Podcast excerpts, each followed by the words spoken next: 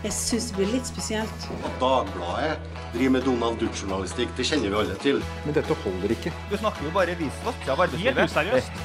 You are fake news. Go ahead.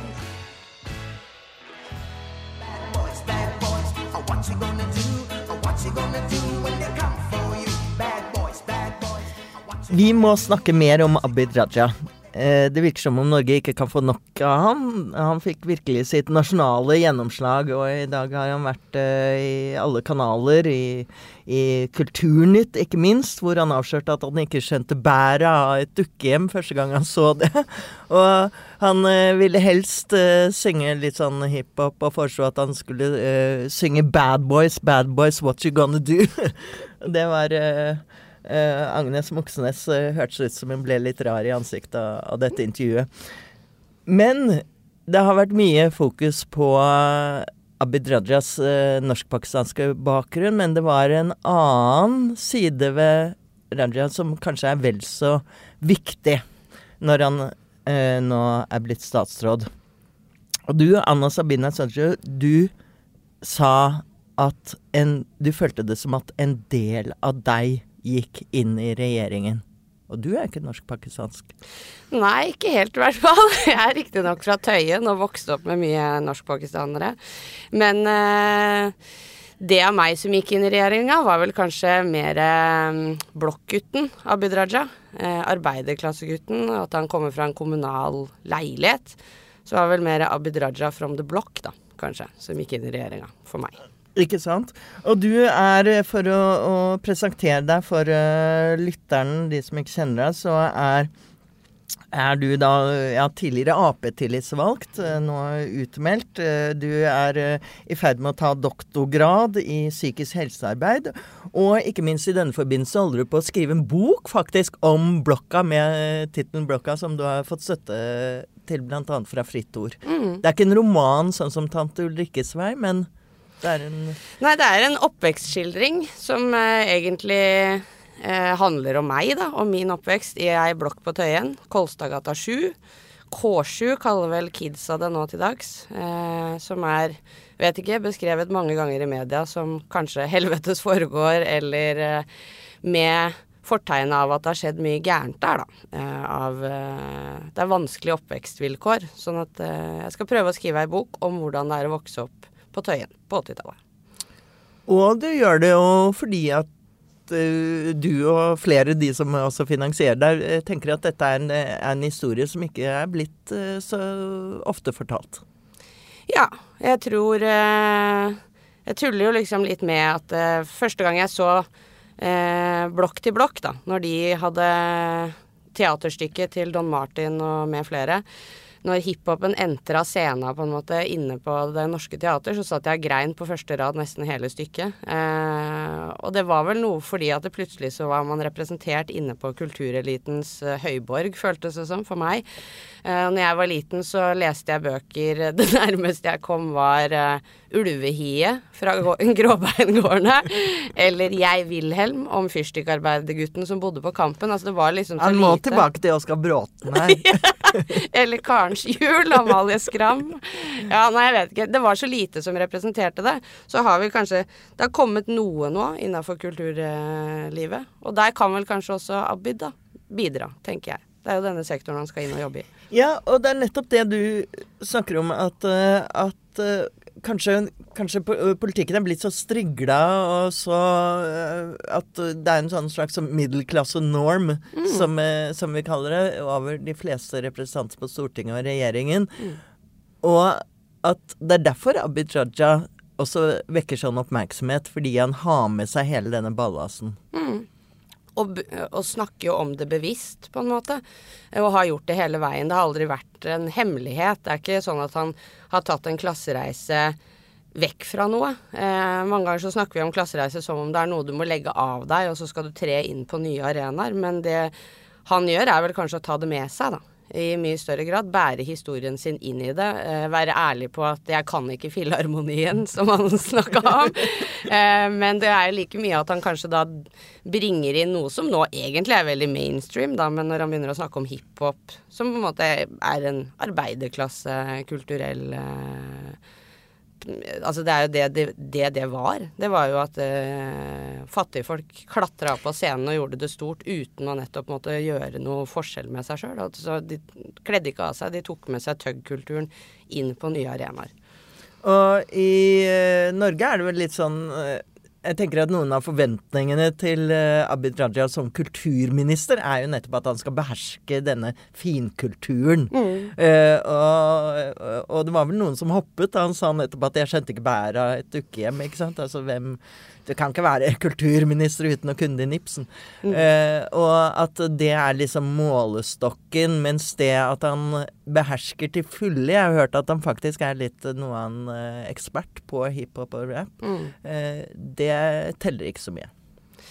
Nei, og det har vel noe med eh, hva vi verdsetter og tenker at er kultur. Da. Vi så jo kanskje noe av det samme med Hadia når hun trådde inn i rollen, at uh, du blir spurt om hva er det som egentlig er norsk kultur, eller altså Du anses som å ikke beherske det kanskje pga. bakgrunnen din, og på et eller annet vis så gjør jo vi kanskje ikke det. Uh, det var ikke sånn at jeg fløy ned Nationaltheatret da jeg var liten. Det er noe jeg har prøvd å tillegge meg. Mamma tvang meg til å lese bøker. Jeg syns ikke det var noe gøy i det hele tatt. Jeg kjeda meg med det, men det var liksom under en uh, oppfatning av at dette her må vi beherske, for ellers så kommer vi oss aldri vekk herfra. Eh, men det som har slått meg nå når jeg skriver den eh, skriver på boka og har snakka og drevet med research og snakka med folk fra Tøyen, det er at man nettopp ikke ønska å komme vekk fra noe, men å beholde noe. Eh, og det er egentlig en sånn dygd, mener jeg, da, i eh, arbeiderklassen. Du skal ikke glemme hvor du kommer fra, og du skal inn og representere det du kommer fra når du, når du trår inn i, på nye arenaer. Og det var vel egentlig den reisen Abid gråt seg eh, gjennom nøkkelseremonien med nå, da. Ja, det var fantastisk rørende. Han, han snakket jo nettopp om eh, at han vokste opp i et hjem uten bøker, mm. og at moren hans var analfabet. Mm. Og, og, faren Han har ikke lagt skjul på at, faren, eh, at han ble slått av faren sin. Så, så det var jo en eh, en eh, ganske lang reise for ham eh, også å komme dit han er nå. Mm. Men, eh, men, det som er interessant, er da nettopp det du sier, at du føler at han tar med seg den oppveksten sin mm. inn i Han har ikke lagt den bak seg, han har ikke reist fra noe. Mm. Og Tenker du at, at, det er noe som har manglet, mangler i politikken? At, man, eh, at den er blitt for strigla?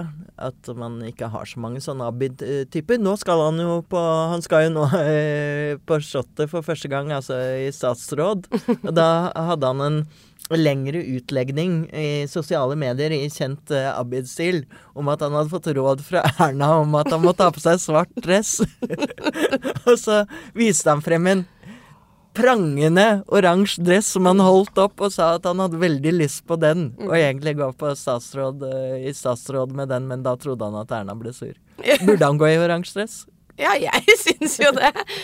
Men jeg syns jo noe av det som kanskje han Jeg tenk, har tenkt på det mye siste uka, at jeg lurer på om den bråketeheta hans, da.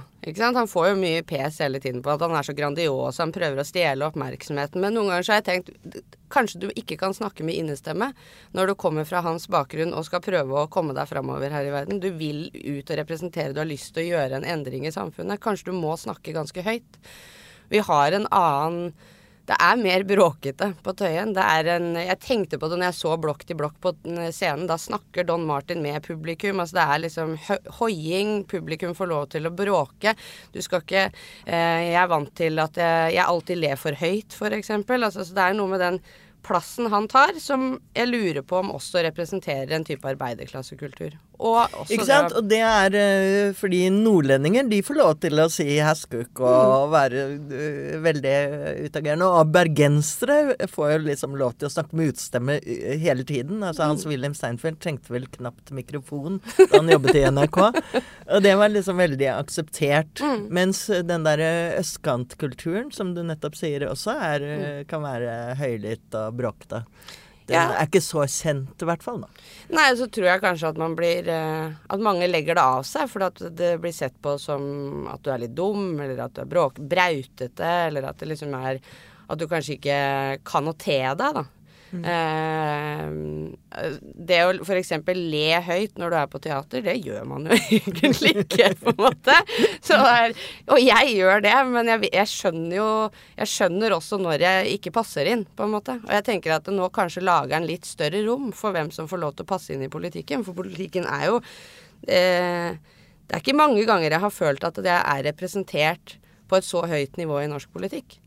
Kanskje mer Altså man kanskje kjenner seg igjen i noen lokalpolitikere, men det eh, han Det var ikke bare glasstak han brøyt nå, det var mye, tenker jeg. Når han får lov til å ta med hele den karakteren sin inn i rollen og fortsette å være seg sjøl, da.